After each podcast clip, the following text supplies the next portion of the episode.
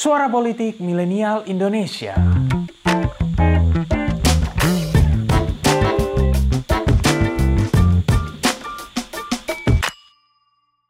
gitu karena ini yang real gitu. Ini orang-orang yang milik kita loh gitu. Ini orang-orang milik kita mereka mempercayakan kita untuk membuat kehidupan mereka lebih baik kan gitu. Kementerian-kementerian ini sekarang ada keadaan luar biasa yaitu COVID-19 sekarang Nah, inilah kompetensi mereka ini diuji sekarang ini. Gimana pun warga semua panik, pemerintah nggak boleh panik gitu. Harus memikirkan kebijakan yang memang terbaik untuk semua.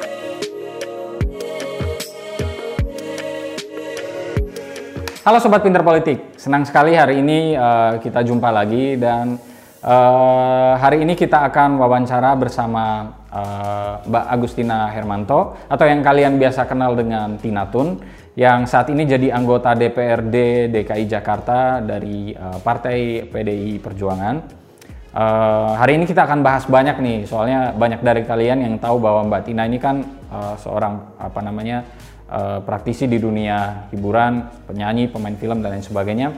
Tapi kemudian sekarang terjun ke uh, dunia politik. Mungkin kan banyak yang penasaran apa alasannya dan uh, bagaimana latar belakangnya, kok bisa masuk politik.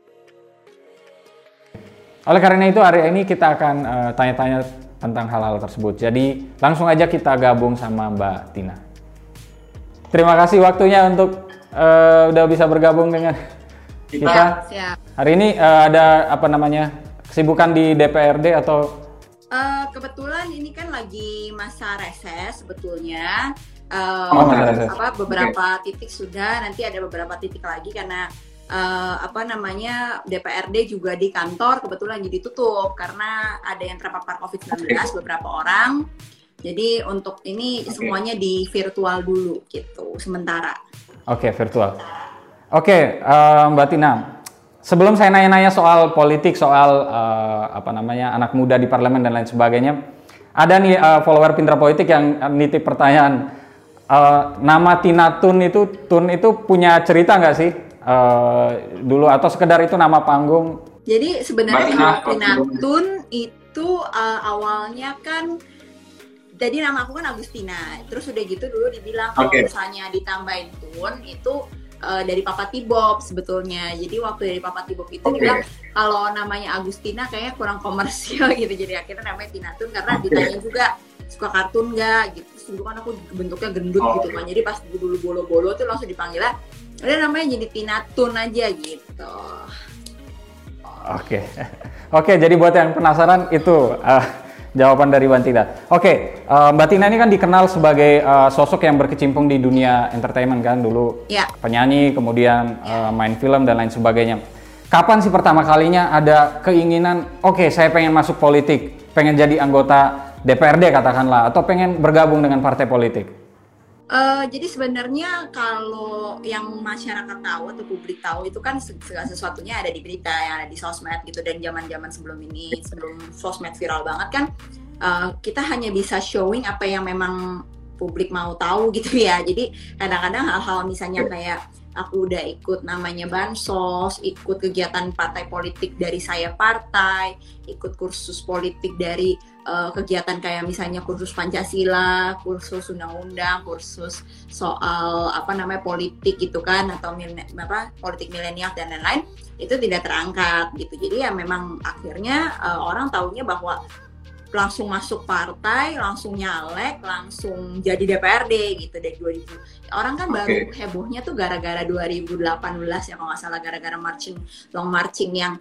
uh, eh, PDI Perjuangan menuju ke KPUD okay. untuk daftar. Nah, itu hebohnya di situ gitu. Padahal sebelum-sebelumnya aku udah melakukan banyak hal gitu cuman ya itu yang terangkat hal-hal okay. yang memang orang pengen tahu aja gitu dulu kan Instagram Twitter gitu-gitu Twitter ya baru ya Instagram kan belum begitu hits kayak sekarang gitu kalau dari zaman masih apa namanya masih kecil ada nggak kepikiran gitu oh suatu saat saya pengen jadi anggota DPR gitu? Kalau kepikiran sebenarnya gini dulu tuh uh, aku kan nggak terlalu begitu paham juga ya sebenarnya jadi uh, apa dulu nggak okay. gitu gimana ya pejabat tuh kira kayak ya udah DPR presiden apa tuh jadi satu semua gitu nggak hmm. ngerti itu poksi dan lain-lain jadi aku nggak terlalu pengen jadi dan aku nggak pengen jadi pejabat sih sebenarnya gitu jadi karena kayaknya okay. uh, doktrinnya itu kan kayaknya udah korupsi terus segala sesuatunya yang negatif lah gitu apalagi kalau dulu kan ada beberapa tahun juga bahwa ya gitu soal-soal itu kan harta tahta wanita yang gitu gitulah pokoknya sifat-sifatnya kayak gitu. Jadi aku berpikirnya pengennya jadi lawyer dulu tuh, jadi jadi praktisi okay. hukum lah gitu. Pun kalau misalnya nanti udah berjenjang gitu bukan cuma lawyer, jadi pengennya di yudikatif gitu kayak atau jadi jaksa atau jadi uh, apa uh, hakim gitu-gitu tadinya. Nah, tapi uh, okay. dari waktu dulu tuh aku sukanya debating gitu. Karena kan pikirnya mau jadi lawyer kan. Jadi debating kelas tuh aku dulu kalau ekstrakurikuler pasti ngambilnya kalau nggak debating kelas gitu kan. Uh, ya udah itu terus gitu. Karena juga itu kelas yang tidak terlalu menarik buat banyak orang jadi pasti slotnya ada terus gitu kan. Di mana orang-orang pada apa ekstrakurikuler berenang lah musik yang gitu-gitu. Aku malah yang debating kelas dan itu terasah sekali di situ. Sampai aku ikut waktu itu sempat ikut lomba uh, dari sekolahan ya waktu di UI di universitas-universitas tuh itu debat lomba debat gitu. Nah terus sampai akhirnya berapa kali ada ada uh, ada yang kalah ada yang menang. Nah itu dari mama aku sebenarnya. Kayak kamu ntar ujung-ujungnya di politik deh yang kayak gitu. Tiba-tiba aja kayak kayak okay. kamu tuh orang yang dan aku dari dulu orangnya sifatnya gini kayak kalau ada orang punya masalah dari temen dari keluarga dari mana pun pengennya tuh kayak uh, bukan cuman dicurhatin tapi kayak pengen nyelesain aja gitu. Caranya ini nih caranya begini begini begini terus pengen ngebantu gitu. Jadi akhirnya kayak kamu kayak ujung-ujungnya nanti bakal ngomongnya di parlemen gitu. Tapi aku gak kepikiran gitu. Okay. sampai akhirnya pun aku nyalek pun aku gak kepikiran pengen jadi politisi sekarang ya. Maksudnya politisi tuh tadinya mulai berubahnya kan gara-gara ikut yang ikut bansos, ikut kegiatan politik okay. yang soft-soft aja gitu dari kursus-kursus, ikut dari apa saya partai kan nggak gitu terlalu hard ya, nggak terlalu hard politik gitu. Jadi okay. kalau misalnya ada kegiatan uh, apa, misalnya ada apa gitu, nah kita uh, ikut ikut di situ gitu, misalnya uh, bukan bukan orasi yang kencang gimana sih tapi lebih ke yang kayak diskusi politik ya gitu ntar uh, ujungnya kita maunya rekomendasinya apa yang gitu gitu jadi waktu 2018 aja itu aku berpikir kan waktu itu panas banget tuh suhu politik ya. Aku berpikir cuma jadi tim sukses gitu, karena aku berpikir ada uh, sekarang ini Indonesia udah agak-agak darurat gitu pada saat itu ya, yang ada perpecahan begini-begini gitu. Jadi aku pikir kayaknya anak muda juga harus ikut dalam politik. Jadi kita mengajak orang lebih kayak rock the vote yuk, jangan sampai lu apa eh, nggak uh, nyoblos yang kayak gitu, lebih ke situ. Terus ada juga orang-orang yang uh, apa dari dari beberapa bidang apa segala macam. Ini lebih ke tim sukses aja kan lu. Uh, tim suksesnya apa presiden terus sama DPR RI kan gitu okay. kan. Udah gitu aja. Terus ternyata eh ya udah ada slot slot perempuan kan. Slot perempuannya kurang gitu. Okay. terus mungkin dari partai yang berpikirnya dan aku anggota partai itu sejak sejak ini ya 2017 jadi uh, maksudnya memutuskan untuk ber-KTA ya gitu karena uh, apa namanya hmm. berpikir kayaknya di sini uh, ya kan namanya orang memilih memilih apa haluan politik kita kan harusnya sesuai dengan dengan hati kita juga sesuai dengan apa sih ideologinya sama atau enggak terus kayaknya partai ini yang gue gue banget nggak sih yang kayak gitu kan Nah, dari situ udah memilih, udah berkata ah jadi akhirnya 2018 itu dibilang sama partai kayak uh, ada slot perempuan, terus ya bantu aja vote getter gitu. Toh juga kalau kamu jadi vote getter di dapil, kamu juga bisa membantu untuk uh, kan waktu itu kan barengan kan, pilpresnya, DPR RI-nya, DPRD-nya, DPD-nya kan bareng. Jadi uh, sekalian aja gitu kampanyenya. Udah gitu aja sampai situ sampai aku tuh ngasih berkas apa segala sesuatunya itu last minute banget kayak sehari sebelum tutup ya kalau nggak salah ya. itu aku kejalin semua yang SKCK okay. lah surat uh, tidak narkoba surat tidak begini begitu sampai aku waktu itu kan masih masih uh, apa banyak kegiatan juga ya aku mikir kayak aduh ribet banget sih karena nggak kepikiran gak niat banget gitu pengen pengen dapet itu enggak gitu justru kayak ah jadi ngerepotin deh gue cuman pengen gini doang kayak ribet banget gitu pikirnya awal tapi ya itulah kalau okay. udah namanya takdir apa ya ya udah udah jalannya gitu dan sekarang merasakan bahwa ah ya sih uh, apa maybe I meant to be here gitu. Oke. Okay. Oke, okay. uh, eh, banyak yang juga penasaran sih uh, apa sebenarnya kira-kira yang uh, apa namanya istilahnya bukan dibilang visi politik sih kayak semacam uh, panggilan terbesar seorang Tinatun gitu kayak uh, tadi Tina cerita tentang uh, bansos dan lain sebagainya gitu. Jadi itu berhubungan langsung dengan masyarakat kan. Um, apa apakah ada hal-hal hal tersebut yang kemudian uh, membuat uh, apa namanya uh, Mbak Tina berpikir bahwa oke okay, politik ini adalah jalan dari yang bisa saya pakai gitu untuk katakanlah uh, apalagi sekarang di komisi E ya yang berhubungan dengan kesejahteraan rakyat kalau nggak salah. Oh udah di, di komisi A, udah pindah?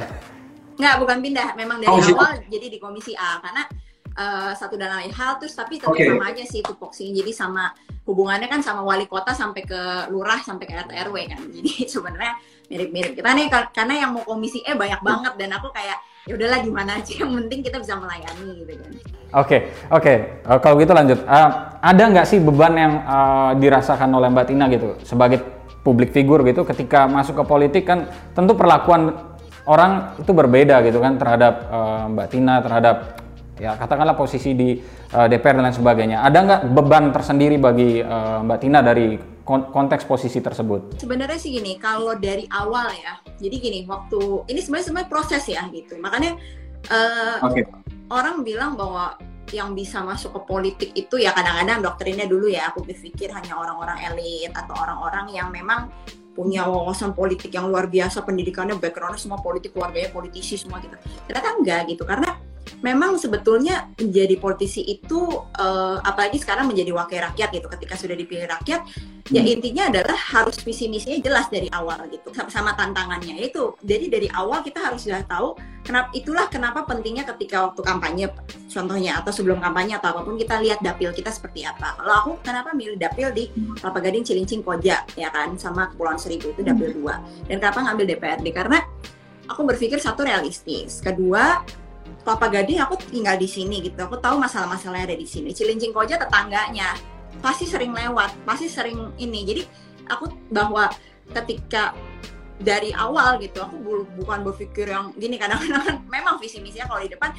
garis besarnya adalah kita mau merubah Indonesia lebih baik lagi anak muda harus bersemangat apa tapi itu kan visi misi yang ngawang ya gitu. Banyak hal yang bisa di tapi kalau okay. lebih realistis saja gitu. Ketika kita masuk ke dapil kita apa yang kita bisa lakukan untuk dapil kita dulu nih gitu. Karena ini yang real gitu. Ini orang-orang yang milik kita loh gitu. Ini orang-orang milik kita mereka mempercayakan kita untuk membuat kehidupan mereka lebih baik kan gitu. Sama aja ganti posisinya misalnya kita yang memilih orang ya kita memilih orang itu untuk bisa memajukan daerahnya dong gitu. Maksudnya memajukan daerahnya lah dalam arti mensejahterakan mereka gitu. Jadi dari awal udah jelas masalah di sini banjir Terus masalah di sini adalah kalau yang dari Cilincing Koja memang banyak masalah masalah ekonomi dan sosial. Terus ketiga masalah lingkungan dan lain-lain gitu. Jadi ya udah memang kita perjuangannya fokus di situ gitu loh. Nah, kenapa kemarin makanya aku minta komisi E karena pendidikan, dinas sosial, apa segala macam di sana. Tapi ternyata uh, aku dikasih komisi A, yaitu aku bersyukur juga bahwa ketika kemarin banjir gitu Januari lima kali kita banjir, uh, aku langsung berhubungan dengan mitra yang langsung wali kota, uh, camat, lurah itu semua SKPD terkait uh, komisi aku. Damkar yang punya mobil pompa tambahan bisa aku uh, mintakan juga untuk evakuasi. Terus untuk ini apa namanya uh, dinas apa BPBD itu kan di kita juga gitu. Jadi di situ aku bersyukur bahwa ya aku bisa melakukan sesuatu tapi tidak terbatas oleh itu gitu, tidak terbatas komisi di mana aku juga bisa berkoordinasi sama uh, dinas SDA dengan uh, apa namanya dan yang lain-lain lah untuk apa permasalahan ini gitu. Plus uh, ketika kita kencang juga masyarakat juga mendukung ada sesuatu real yang ada harapan gitu loh dalam arti ini kita akhirnya bisa mengajukan namanya pansus pansus banjir dan ternyata banjir itu kan yeah. bukan cuma Jakarta Utara tapi seluruh Jakarta gitu. Jadi itulah yang aku bilang sesuatu yang real yang kita bisa lakukan yang ya kita nggak munafik manfaatnya juga buat kita sendiri buat orang-orang sekitar kita dan buat semuanya gitu loh. Jadi ya ya itulah. Tapi tantangannya memang ketika orang bilang wah anak muda nih belum berpengalaman. Pasti kan di situ. Terus artis nih ya kan? Wah ngerti apa? Gitu apa segala macam. Ah, terus bisa apa ya? Sekarang kalau kita mau ngomongin pembuktian atau apa oh, ya secara pendidikan secara uh, kegiatan politik apa udah ada semua di CV ya. Pada saat kita nyalek kan udah ada semua di internet juga bisa dicari. Tapi kalau menurut aku bukan itu. Tapi sebenarnya politik is about politic will. Political will itu yang paling eh gitu. Kadang-kadang kita juga gregetan gitu. Ini tuh bisa dalam gitu beres gitu. Tapi kenapa nggak bisa? Karena political willnya nggak ada gitu. oke okay. ini sa saya ngikutin uh, apa namanya media sosialnya Mbak Tina beberapa waktu terakhir kan sempat soroti tentang uh, yang hal-hal yang berhubungan dengan pendidikan kalau nggak salah. Ada apa namanya istilah pembelajaran jarak jauh, kemudian ada tentang PPDB. Tapi saya nggak ingin tanya tentang spesifik tentang kebijakan tersebut pandangan Mbak Tina. Tapi pertanyaan adalah Menteri Pendidikan dan Kebudayaan sekarang Pak Nadiem Makarim, menurut Mbak Tina bagus atau buruk kinerjanya ah, dalam skala 1 sampai 10? Uh, sebenarnya gini kalau untuk Menteri Pendidikan itu kan tupoksinya bukan di DPRD DKI ya sebetulnya. Kemarin itu aku bersuara okay. pun bukan sebagai uh, apa namanya mitranya uh, Menteri Pendidikan, tapi bersuara mewakili anak-anak uh, dan juga orang tua yang juga sama-sama karena gini kadang-kadang kita karena public figure juga orang semua aspirasi masuk aja gitu nggak cuma dari dapil tapi okay. dari seluruh Indonesia kadang-kadang ada yang bilang dari dari Gorontalo dari masalah itu kan kemarin kan dari mana-mana masuk nah kalau okay. menurut aku gini untuk uh, apa kementerian-kementerian ini sekarang ada keadaan luar biasa yaitu COVID-19 sekarang Nah, inilah kompetensi mereka ini diuji sekarang ini gitu. Kalau keadaannya biasa-biasa aja mungkin kayak ya udah gitu. Itu kan kebijakan apa semua secara normal. Kalau ini kebijakan yang memang uh, apa namanya diperlukan otak yang luar biasa gitu kayak ah ini gimana gitu kan karena okay. itu dia covid bukan hanya untuk uh, apa hanya masalah kesehatan tapi masalah pendidik eh masalah pendidikan sosial ekonomi semua ke ini nah ekonomi. untuk ke, apa menteri menteri pendidikan sebetulnya yang kita sayangkan kemarin pada saat yang kemarin aku kenapa juga ngegas banget soal pendidikan karena sebenarnya di DKI Jakarta juga ada masalah loh soal PPDB nah itu sebenarnya yang okay. jadi uh, eh, PPDB Jakarta itu tidak sinkron dengan uh, peraturan di apa Kementerian Pendidikan. Nah itu yang sebenarnya tuh masalahnya tuh di situ karena orang-orang banyak yang gini di di Bandung misalnya zonasinya itu ada meterannya gitu. Misalnya di orang harusnya sekolah di mana gitu kan. Ada meterannya di Jakarta nggak ada. Sedangkan kita Gojek aja Grab apa semua kan ada meterannya. Masa untuk aplikasi iya. sekolah nggak ada PPDB DKI Jakarta gitu. Itu yang kita kritisi habis. Tapi di sisi lain tiba-tiba pada saat uh, itu kan kemarin aku nitip juga ya sama teman-teman DPR RI dari PD Perjuangan dan Mbak iya. Putra Nababan, terus juga ada uh, Mbak Seli gitu kan, bilang tolong dong ini uh, soal yang Jakarta ini parah sekali kita bilang gitu, karena kan memang mereka tupoksinya kalau di sini kementerian bisa langsung menegur, menegur dinas pendidikan gitu. Nah pada saat itu, pada saat rapat ternyata yang keluar di media adalah mau PPJ jarak jauh tapi secara permanen gitu. Sedangkan sebetulnya yeah. ini uh, apa kebijakan yang belum diketok sih gitu. Hanya wacana ya gitu. Tapi kan dalam arti ini orang lagi panik banget loh karena covid-19 kehidupan kita tuh nggak normal sama sekali. Nah ketika kita melontarkan sesuatu dan itu dilontarkannya seorang menteri pendidikan gitu kan itu akan menjadi satu panic policy gitu. Nah ya itu yang kita uh, apa namanya kita kritisi terlebih dahulu supaya memang awarenessnya satu ada. Kan kebijakan tuh gitu. Kayak aku kan juga di Bapemperda ya gitu satu awareness dulu nih ketika masyarakat kontra ternyata terus kita aware dulu jangan sampai nyelonong aja gitu loh. Nah tapi ketika kita sudah keras semua orang juga wah bukan dari aku aja ya tapi semua instansi semua apa juga heboh akhirnya kan itu tidak tidak kejadian bahkan dibahas aja enggak gitu ya. Itu yang kita ini kan gitu. Cuman kalau untuk sekarang aku belum belum bisa ngerate yang bagaimana karena menurut aku sampai sekarang kita masih menunggu nih posisinya gitu. Apa? Kayak kemarin uh, ada janjinya kan uh, apa berhubungan dengan beberapa BUMN juga soal seluler yang apa gratis ya uh, wifi-nya gratis atau apa. Ini kita semua masih posisi menunggu terus ada BOP biaya operasionalnya sekolah katanya bisa dipakai apa. Ini kita masih posisi menunggu karena aku juga kan biasa nanti dapat laporan nih dari warga, dari masyarakat, dari call center. Oh mbak ini kayak kemarin PPDB. Oh ada akhirnya ada bina RW ada apa itu kan ada ada laporan. Nah, kalau untuk dari kebijakan yang dari pusat ini kebetulan belum nih sampai sekarang. Jadi kita masih dalam posisi menunggu gitu loh. Oke, tadi ada satu poin menarik yang uh, apa namanya Mbak Tina singgung tentang perempuan dan politik kan uh, dari awal uh, bagaimana Mbak Tina bisa terjun ke politik. Setelah jadi anggota DPRD, uh, apa yang Mbak Tina lihat dan rasakan dalam konteks uh, keterwakilan perempuan itu sendiri uh, di parlemen khususnya? Uh, apakah memang Indonesia ini benar-benar uh, apa namanya dalam tanda kutip lah darurat gitu dalam konteks peran perempuan yang lebih besar dalam politik uh, dan atau justru sebaliknya memang politik di Indonesia itu uh, sudah dikondisikan agar peran perempuan itu sedikit aja gitu. Ah, jadi kalau untuk perempuan sebetulnya gini, kalau kuotanya itu kan ada pada saat uh, nyalek itu 30% representasi wanita harus ada. Jadi kayak misalnya aku udah di di dapil aku ada 9 9 kursi ya, 9 kursi pemilihan. Nah, itu 30 persennya berarti kan tiga orang itu harus perempuan. Dari 9 kandidat harus ada tiga yang perempuan gitu.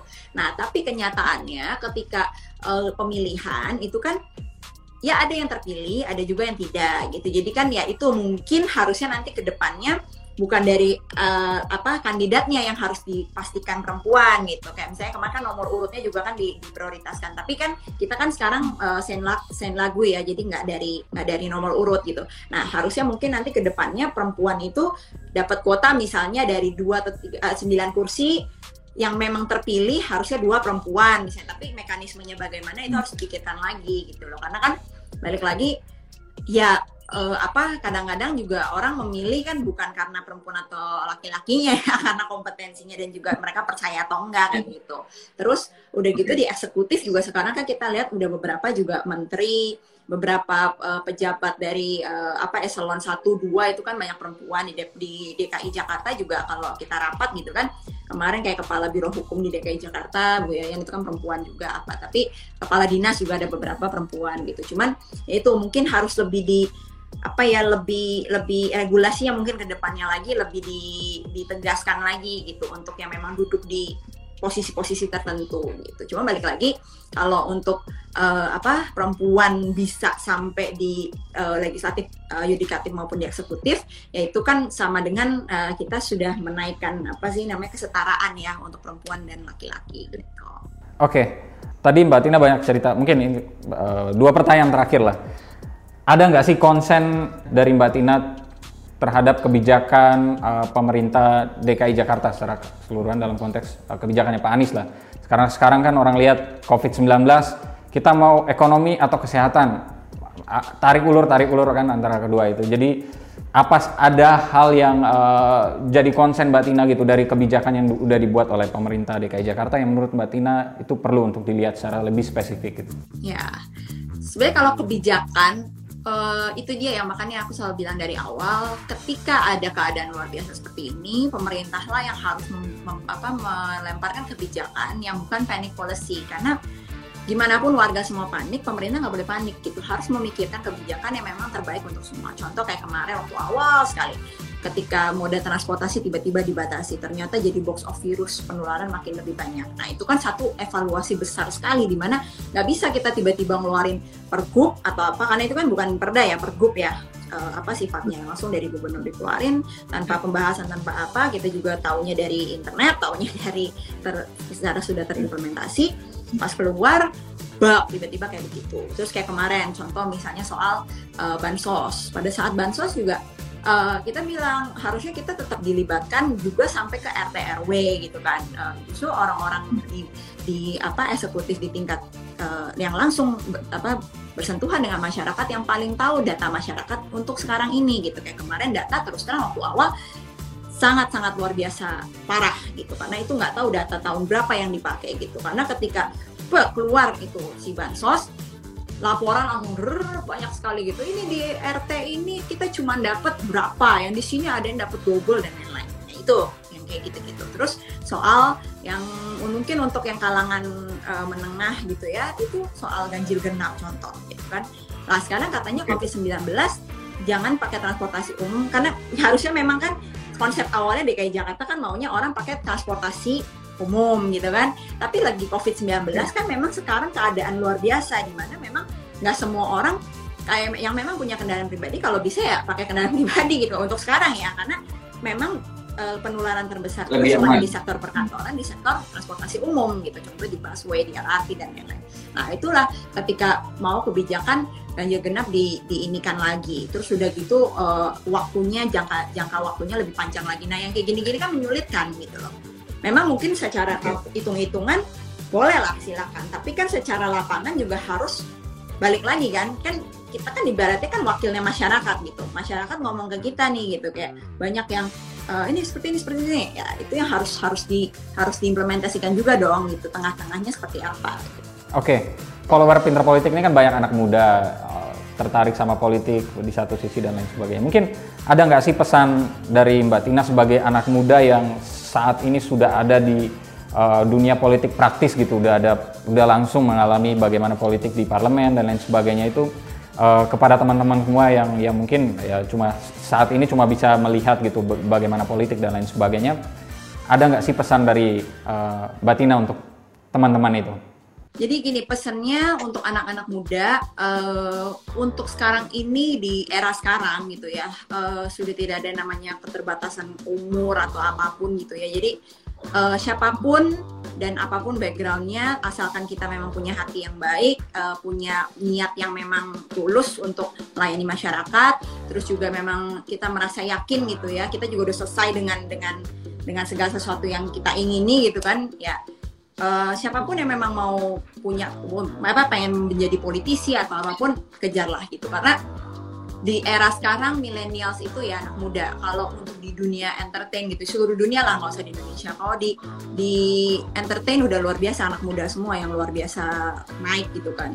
Di dunia bisnis uh, eh, unicorn unicorn besar itu diinisiasi di found, di foundernya dan juga pemiliknya adalah anak-anak muda di politik juga harus ada gitu jadi di politik itu hmm, anak muda harus berkarya juga gitu karena uh, zaman sekarang apalagi ya sekarang zamannya sosmed, zamannya segala sesuatu yang uh, apa segala sesuatunya juga memang ke anak muda, anak mudaan lah gitu kan ibaratnya. Ya anak muda harus harus ada juga di politik gitu. Oke. Terima kasih Mbak Tina untuk waktunya. Senang sekali hari ini uh, bisa ngobrol bareng dengan Pinter Politik dengan teman-teman Pinter Politik juga dan share banyak hal tentang sejarah uh, Mbak Tina sampai ada di uh, dunia politik. Oke, okay, tetap stay safe. Pokoknya tetap mungkin nanti kalau ada kesempatan kesehatan, 3M pakai masker, cuci tangan, mencuci tangan dan juga menjaga jarak, jangan ngumpul dulu, tolong dibantu untuk semuanya karena semakin uh, apa namanya semakin kita bisa mematuhi protokol kesehatan kita bantu tenaga medis kita bantu juga agar ini cepat selesai gitu karena uh, eh, COVID-19 ini bukan hanya kesehatan, ekonomi, sosial, tapi luar biasa dampaknya untuk kita semua. Jadi kalau semuanya bisa ikutin protokol kesehatan, ini bisa cepat kelar gitu maksudnya. Kita bisa sama-sama fight sambil kita nunggu vaksin dan juga obat. Oke. Okay. Jadi ya, terima kasih ya uh, Mbak Tina untuk waktunya setidaknya hari ini kita dapat gambaran lah bahwa seorang Tina Tun itu punya apa namanya passion debat dan lain sebagainya dan itu uh, hal yang selama ini kan orang melihat bahwa apa namanya artis dan politik dan lain sebagainya itu kan suatu image yang berbeda dan sekarang wah ternyata Mbak Tina uh, punya sejarah yang panjang dengan uh, dunia politik itu sendiri. Oke. Okay. Uh, mungkin itu aja ya hari ini. Uh, mohon maaf kalau ada gangguan tadi. Terima kasih nanti kalau ada waktu dan kesempatan kita bisa ngobrol-ngobrol lagi. Oke, terima kasih teman-teman. Jadi kita akhirnya tahu ya bahwa Mbak Tina itu sejarahnya dulu uh, suka sama debat dan uh, juga kuliah buat kalian yang belum tahu dia kuliah apa S2-nya ilmu hukum kalau nggak salah. Jadi memang itu apa istilahnya menjadi jalan gitu uh, bisa terjun ke dunia politik dan tadi juga uh, banyak hal yang menarik yang uh, bisa kita uh, apa namanya dengarkan dari Mbak Tina terkait konsen isu, bagaimana menjadi politisi itu harus lebih dekat uh, apa namanya dekat dengan isu-isu yang ada di sekitarnya. Kalau Mbak Tina uh, di dapilnya gitu. Jadi memang uh, mungkin hal-hal itu yang yang bisa memotivasi kita untuk uh, apa namanya jadi politisi dan lain sebagainya lebih tertarik ke uh, dunia politik. Memang ada banyak pertanyaan uh, dari teman-teman sih yang yang belum sempat saya tanyakan karena uh, keterbatasan waktu. Tapi nanti kita akan uh, coba kalau misalnya di kesempatan nanti ada waktu lagi buat berbincang dengan Mbak Tina.